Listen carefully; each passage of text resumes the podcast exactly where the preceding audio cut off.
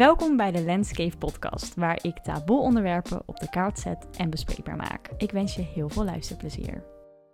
Ik wilde als kind altijd al heel graag volwassen zijn. Ik had al heel snel de drang en de behoefte om mijn eigen weg te kunnen bepalen. En zelf te bepalen hoe ik over dingen dacht en hoe ik dingen wilde aanpakken.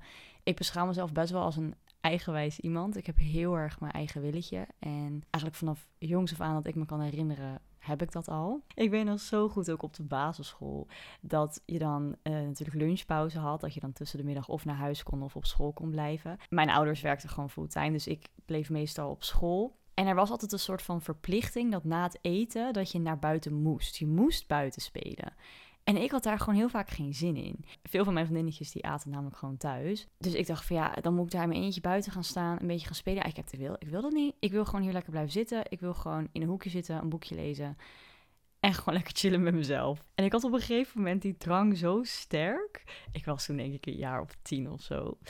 Dat ik toen echt een uur lang over mijn boterham heb gedaan. En die overblijven juffrouw, die zat nog helemaal alleen met mij in het lokaal. En ze zat me echt aan te kijken van, oh mijn god, deze meid. En zo kreeg ik het dan ook voor elkaar om niet naar buiten te gaan, want ik er gewoon zo lang over had gedaan. Die drang van gewoon zelf mijn dingen bepalen en doen hoe ik het wil, dat heb ik gewoon al uh, heel sterk vanaf jongs af aan gehad en ook altijd gewoon meegenomen in mijn volwassen leven. Ik kan me nog goed herinneren toen ik net op mezelf ging wonen, toen was ik 20. Toen uh, verhuisde ik naar een uh, klein studiootje van 20 vierkante meter. Ging ik van Leiden naar Den Haag en toen ging ik echt voor het eerst helemaal alleen wonen. Toen de eerste weken dat ik daar sliep, droomde ik heel veel. Ik droom sowieso heel veel. Ik hou echt van dromen. Ik geloof ook heel erg um, in de verhalen achter je dromen. Dat je onderbewustzijn eigenlijk s'nachts tot leven komt en je veel dingen meegeeft. En een van de dingen die ik toen heel veel droomde, die mij toen best wel een beetje verwarde, was dat ik in hele moeilijke heftige situaties kwam. Dus ik stond in een jungle of in nou, gewoon een omgeving die best wel eigenlijk gevaarlijk was. En dat ik dan een baby meekreeg van iemand. En ik wist ook dat het niet mijn baby was.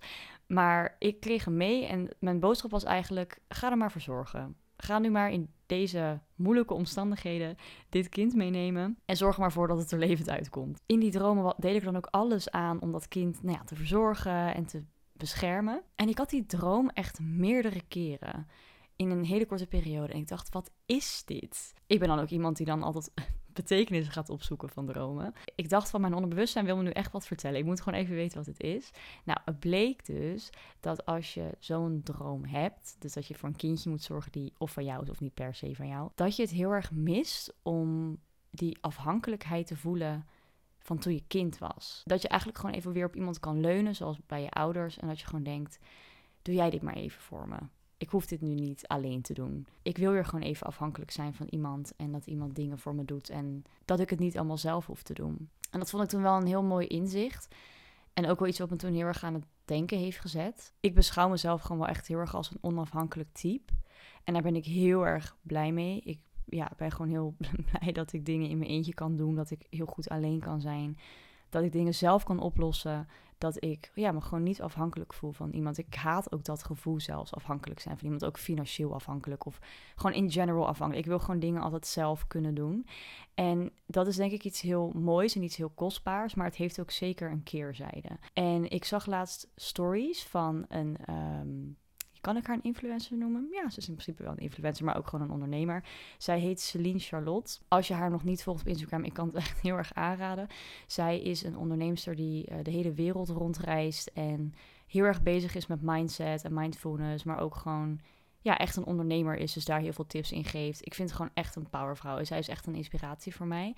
En ik herken me ook heel erg in haar. Zij is het afgelopen jaar echt op zoveel verschillende plekken geweest. En ik vind dat ook echt heel cool. Want dan is ze bijvoorbeeld een paar maanden in Bali. Dan komt ze even thuis. Zegt ze, nou, nu heb ik er zin om naar Costa Rica te gaan. Of hey, ik zit opeens in Amerika waar ik gewoon een tijdje vertoef. En ik zie wel wanneer ik weer terugkom. Echt zo dat je denkt, wow, jij bent zo onafhankelijk en zo goed in alleen zijn. En jij doet gewoon echt waar je zin in hebt. En dat inspireert mij echt heel erg toen had ze dus een dag dat ze weer terug in Nederland was en ze zou de dag daarna naar Costa Rica vliegen. En toen had ze gedeeld dat ze het echt heel moeilijk had om het vliegtuig in te stappen, omdat ze dacht, ja, ik vind het in mijn eentje zijn echt fantastisch en dat ik gewoon kan gaan en staan waar ik wil, echt I love it.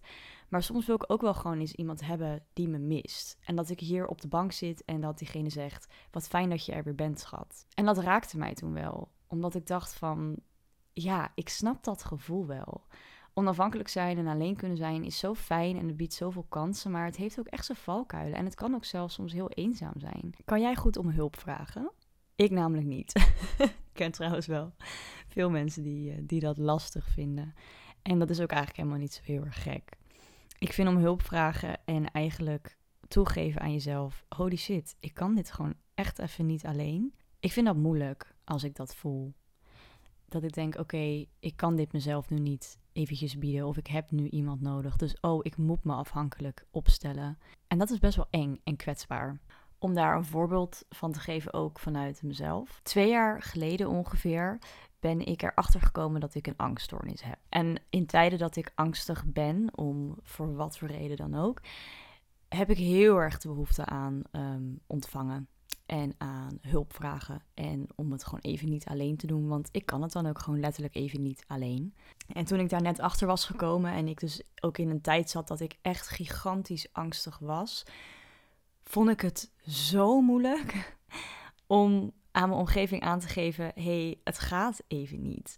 Ik klapte dan echt gewoon helemaal dicht. Ik keerde dan al gewoon heel erg in mezelf en in dat kleine kamertje in Den Haag van 20 vierkante meter zat ik echt heel erg met mezelf te struggelen. En ik durfde niet naar buiten te keren en iemand op te bellen en te zeggen: Oh my god, kom alsjeblieft naar me toe, want ik trek het even niet. En ik heb toen op een gegeven moment geleerd en mezelf ook heel erg tot gedwongen, pretty much. Om wel eens dat appje te sturen, om wel eens dat belletje te maken als het even niet gaat. En ik vond dat zo spannend en eng om te doen. Het gaf me uiteindelijk ook zoveel rust en voldoening als ik eenmaal dat appje eruit had gestuurd en een vriendin stond bij me voor de deur of ik ging lekker naar mijn ouders toe of dat ik gewoon echt even aangaf tegen mezelf: Len, it's okay. Je hoeft dit nu niet alleen te doen. Er zijn veel dingen die je niet alleen kan doen in het leven. En dus ook niet dingen die in je hoofd omgaan. En wat ik me ben gaan beseffen de afgelopen tijd, is dat dat onafhankelijke, die drang, dat het ook best wel tegen me is gaan keren. En dan voornamelijk ook in relaties. Ik zie namelijk uh, om hulp vragen, je kwetsbaar opstellen, je eigenlijk even afhankelijk voelen. Dat is natuurlijk eigenlijk ook een deel van ontvangen. Je geeft in relaties en je ontvangt. En ik heb mezelf altijd heel erg als een gever gezien. Ik geef heel veel, met heel veel plezier ook, omdat ik dat ook echt kan. Uh, ik kan mezelf heel veel geven, dus dan geef ik het ook heel graag terug aan anderen. Maar ik heb daarin nooit zo besef gehad dat ik ontvangen in relaties eigenlijk heel moeilijk vind. Ik heb dit inzicht laatst echt pas gehad. Ik ben nu een boek aan het lezen. Het heet Vind je plek in de fontein. Het is echt een heel um, sterk boek. Ik ben nog niet heel erg ver. Ik ben nu ongeveer op de helft. En het, het gaat gewoon heel erg diep over relaties en de relatie met je ouders en uh, hoe dat jou heeft gevormd zoals je vandaag bent. En ze had het een stuk over dus geven en ontvangen in relaties. En wat zij zei in dat boek is in geven en nemen moet een balans zijn. Klinkt op zich best wel logisch natuurlijk. Als de ene heel veel geeft, de ander heel veel ontvangt en dat niet vice versa gaat, dan is er een disbalans. Zij zei: als jij niet ontvangt, dus niet durft ontvangen, jou niet kwetsbaar durft op te stellen, dan kan je op een gegeven moment ook niet meer geven. Je loopt dan eigenlijk letterlijk leeg. Het is een cirkel die continu moet blijven lopen. Daar moet een balans in blijven. En toen dacht ik: holy shit. ik herken heel erg dat die balans bij mij er gewoon heel vaak niet is in relaties. En er is een quote en die is me altijd heel erg bijgebleven. Wanneer er een probleem continu zich herhaalt in je relaties, dan is de kans heel groot dat jij er een rol in speelt en niet degene met wie je in een relatie zit. Mocht je mijn vorige aflevering hebben geluisterd, daar had ik het over ecosysteempjes. Dat je allemaal je eigen ecosysteem hebt die je moet verzorgen. En dat ik altijd eigenlijk een probleem heb gehad dat op het moment dat ik een relatie met iemand inzap, en dan voornamelijk een romantische relatie, dat ik mijn eigen ecosysteem verlaat. En ik ga dus heel veel geven en heel veel Ehm, ja, hun, hun plantjes en hun ecosysteem liefde geven. En ik vergeet eigenlijk die van mij. En waar ik altijd best wel gefrustreerd en boos om was, is op het moment dat ik een romantische relatie uitstapte, ik naar mijn eigen ecosysteem weer moest kijken. En dus zag hoe verwaarloosd die was. En dat ik altijd zoiets had van: Hallo, hoezo heeft diegene mij zo weinig gegeven? Ik heb zo onwijs veel gegeven aan de ander. Hoezo heb ik zo weinig ontvangen? Ik snap het niet. En dat kan natuurlijk aan twee dingen liggen Tuurlijk kan je in een relatie stappen met mensen die letterlijk niet kunnen geven. Ik heb dit zelf ook uh, meegemaakt. Tuurlijk de standaard quote, als je niet van jezelf uh, houdt, kan je ook heel moeilijk van een ander houden. Of als je jezelf heel weinig nog kan bieden, is het ook heel moeilijk om dat wel aan een ander te geven. Nou, dat is natuurlijk ook gewoon zo. En ik heb echt wel relaties gehad met mensen, zowel vriendschappelijk als romantisch, waarin ik achteraf zoiets had van: oh hé, hey, jij zit nog zo in een knoop met jezelf en je bent nog zo aan het zoeken. Ik kan nu eigenlijk ook niet van jou vragen om bepaalde dingen uh, te ontvangen van jou. Want je kan het jezelf op dit moment eigenlijk ook helemaal niet bieden. Maar wat ook het geval kan zijn, is dat je niet toegeeft aan ontvangen. Dus aangeven dat je hulp nodig hebt, aangeven dat je het even niet alleen kan, of aangeven aan de ander waar je precies behoefte aan hebt. De gedachte van, oh, ik los dit zelf wel even op, ik kan dit alleen, ik heb hier niemand voor nodig. Dat je die eigenlijk ook gewoon eens een paar keer loslaat. En dat je gewoon eraan toegeeft en dat je gewoon echt ontvangt van een ander. Ik vind dat dus heel moeilijk.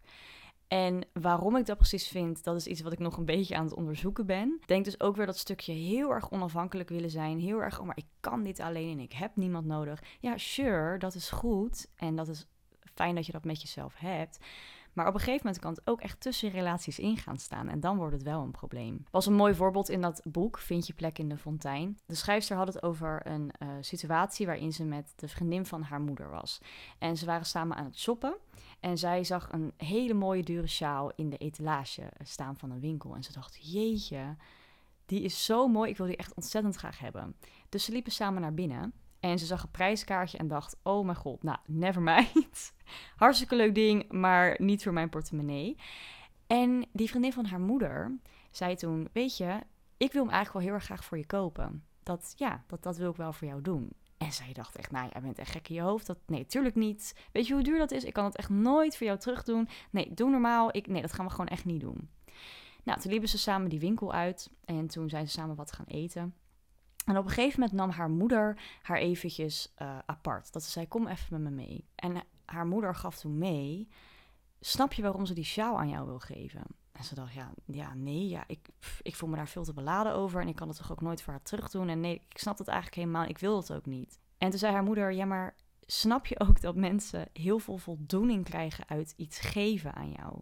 Dat zij dat heel graag voor jou wil doen. Uit liefde, uit een gebaar van vriendschap zij krijgt daar ook heel veel voldoening uit. Dat doet ze niet alleen voor jou, maar ook voor zichzelf. En toen dacht ze, oh, oh, zo heb ik eigenlijk nog helemaal niet naar gekeken. En ik vond dat een heel erg mooi voorbeeld om dat eigenlijk een beetje als metafoor te gebruiken in geven en nemen in relaties. Ik vind zelf bijvoorbeeld geven heel fijn. Ik word daar heel gelukkig van. Geven op allerlei verschillende manieren. Dus inderdaad in een mooi cadeau kopen voor iemand. Of voor iemand koken. Of er gewoon simpelweg voor iemand zijn. Ik haal daar heel veel voldoening uit. Dus waarom zou een ander dat dan niet bij mij hebben? En de schrijfster gaf ook aan dat met geven en nemen, natuurlijk het moet een balans zijn, maar je hoeft dan niet bijvoorbeeld ook, zoals met die dure sjaal, ook een heel duur cadeau voor de ander te kopen om maar die balans te krijgen. Nee, jij geeft gewoon op jouw manier voor diegene koken. Een luisterend oor zijn, you get the point. Dat was wel echt een inzicht die ik heb gehaald uit het boek. En sindsdien ben ik ook echt gewoon een beetje mee aan de haal gegaan van oké, hoeveel durf ik eigenlijk te ontvangen en hoe doe ik dat dan eigenlijk in relaties? Want nee, ik vraag nooit echt om hulp. En nee, ik, ik zeg ook heel vaak niet waar ik behoefte aan heb. Omdat ik dat altijd zo onwijs graag aan mezelf wil bieden, dat ik het eigenlijk niet eens toelaat als een ander dat bij me wil doen. En dan als ik uit een relatie stap, dan denk ik, ja, jeetje, ik ben helemaal, ik ben leeggezogen. Ik heb zoveel gegeven, zo weinig ontvangen. En dan moet ik mezelf echt weer helemaal opnieuw opladen. En ja, eerst legde ik dat eigenlijk best wel veel bij de ander. Maar nu ik er later op terugkijk, denk ik, meid, dat lag ook echt grotendeels bij jou. Jij accepteerde niet om te ontvangen. Ja, dan is het ook heel moeilijk om uh, dat wel te krijgen van iemand. Want op een gegeven moment denkt iemand ook, ja, oké, weet je, um, dan niet. Dus ik ben me daar de afgelopen tijd best wel op gaan trainen. Ik ben er vooral in vriendschappen echt al wel veel beter in geworden. En een van de dingen die ik mezelf nu heel erg aanleer, is dat ik me niet bezwaard hoef te voelen als ik om hulp vraag. Of als ik aan iemand vraag, hey, wil je misschien een avondje thuis blijven, bijvoorbeeld aan mijn huisgenoten? Want ik voel me echt gewoon heel slecht. En ik wil gewoon heel erg graag dat je bij me bent vandaag. Maar ook dingen als echt even gewoon durven huilen bij iemand. En gewoon te zeggen: Oké, ik wil gewoon echt heel graag nu even een hele dikke knuffel. Want ik kan dit nu even niet alleen. Of ik wil dit niet alleen doen. Of ik wil gewoon even dat jij mijn steunpilaar bent. En dat heeft mij zoveel voldoening en liefde gegeven al. En ik merk ook door dat te durven vragen, dat je vervolgens ook weer zoveel kan geven. En dat mijn relaties in de tussentijd ook zoveel sterker zijn geworden en zoveel dieper. Want doordat ik mij kwetsbaar durf op te stellen, durft de ander dat ook. En dat is natuurlijk echt, ja, continu een vice versa. Gewoon echt een letterlijke visuele cirkel die blijft ronddraaien. Maar goed, op, op romantisch gebied vind ik dat nog wel een stuk lastiger. En ik zie dat er nu ook gewoon als een hele mooie uitdaging. En iets van, oké, de komende tijd ga ik hier aan werken. En ga ik gewoon echt eens onderzoeken van, oké, Len, ontvang nou maar gewoon. En geven en nemen, je hoort die term ook heel vaak op seksueel gebied. En ik vind die discussie daar rondom altijd best wel heel erg interessant. Ik weet niet of je dat zelf al eens hebt gehoord, maar je hebt natuurlijk altijd wel eens mensen die zeggen: Ja, ben je eigenlijk meer een gever of een nemer in bed? Of termen als C-ster of uh, op je rug liggen. Nou goed, allemaal van dat soort negatieve termen. En ik weet nog toen ik die termen voor het eerst hoorde, dat ik echt dacht van, maar is het dan een soort van verkeerd om te nemen? Hangt er dan een soort negatieve lading aan? En vooral als iemand die het al heel erg moeilijk vindt om te ontvangen in general, helpt dat natuurlijk totaal niet. Omdat ik zelf diep van binnen ook wel wist dat ik ontvangen, ook in bed, echt, echt wel lastig vond. En ik had het daar nooit echt met iemand over. Ik had altijd zoiets van, ja, misschien ben ik hier wel alleen in. Want ja, wie vindt het nou moeilijk om te ontvangen in bed? Dat is toch een beetje gekkig. Totdat ik hier op een dag een gesprek over had met een vriendin. En zij liep dus tegen precies hetzelfde aan. En toen besefte ik ook dat ontvangen, dus ook op seksueel gebied, letterlijk een manier is van je kwetsbaar opstellen. Je moet op dat moment even loslaten. Je legt de controle bij een ander. En ja, ik heb daar echt wel mee gestruggeld en ik vond dat echt wel moeilijk. En to be honest, soms nog steeds. En met ontvangen op seksueel vlak bedoel ik dan bijvoorbeeld met voorspel. Dat je daarin eigenlijk heel erg jezelf moet loslaten en nou ja, de controle bij een ander legt. Ja, nee, ik vond dan ook vooral het stukje gewoon echt ontspannen en het gewoon er laten zijn, vond ik moeilijk. En nou ben ik gelukkig wel heel erg open can you tell about sex? en gewoon wat ik hierin voel en wat ik fijn vind. En de bedpartners die ik heb gehad, daar kon ik altijd heel open in zijn. Dus daarin kon ik dan ook wel vaak aangeven van... hé, hey, ik vind dit lastig of ik merk dat ik hier in mijn moeilijk kan ontspannen... en ik kan daar gewoon niet zoveel aan doen, dat voel ik gewoon. En het hielp dan voor mij heel erg om het daarover te hebben met diegene. En door juist ook toe te geven van... ik vind het moeilijk om nu te ontvangen of om de controle hierin los te laten... dat was echt al een hele stap op zich. Het was wel heel fijn dat je bedpartner daar überhaupt van afwist. En ook gewoon toegeven aan jezelf dat het ook eventjes kan duren voordat je uh, volledig die controle bij iemand durft te leggen. Zullen vast ook genoeg mensen zijn die daar helemaal geen moeite mee hebben, die dat gewoon in één keer kunnen.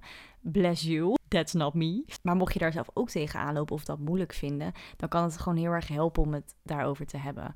En ook daarin vooral lief te zijn voor jezelf. Geef jezelf daar ook gewoon echt de tijd in en heb het daarover met de ander. En dus termen als C-ster, ja, ik werd er op een gegeven moment heel allergisch voor. Want ja, het triggerde ook echt wel wat bij mij. Dat ik dacht, we praten elkaar nu eigenlijk aan dat ontvangen dat het eigenlijk bijna iets negatiefs is. Soort van je mag het, maar doe het vooral niet te veel. Ja, we vergeten daarin dat, dat ontvangen eigenlijk iets heel kwetsbaars is. En dat dat voor veel mensen best wel een stap is om daar te komen met iemand. Dat was een beetje mijn visie over ontvangen en nemen en geven en nemen, nou hoe je het wil noemen. Ik hoop dat ik je vandaag eventueel weer wat inzichten heb gegeven, dat je hopelijk wat herkenning kon vinden, misschien je wat stof heb gegeven om over na te denken. Zoals altijd vind ik het super leuk om te horen wat je van deze aflevering vond. Slijt dan ook vooral met liefde in mijn DM's op Instagram, xlenette. Dat vind ik altijd heel erg leuk om te lezen. En ik vind het gewoon super leuk om met jullie hierover in gesprek te gaan. Ik wil je onwijs bedanken voor het luisteren en tot de volgende keer.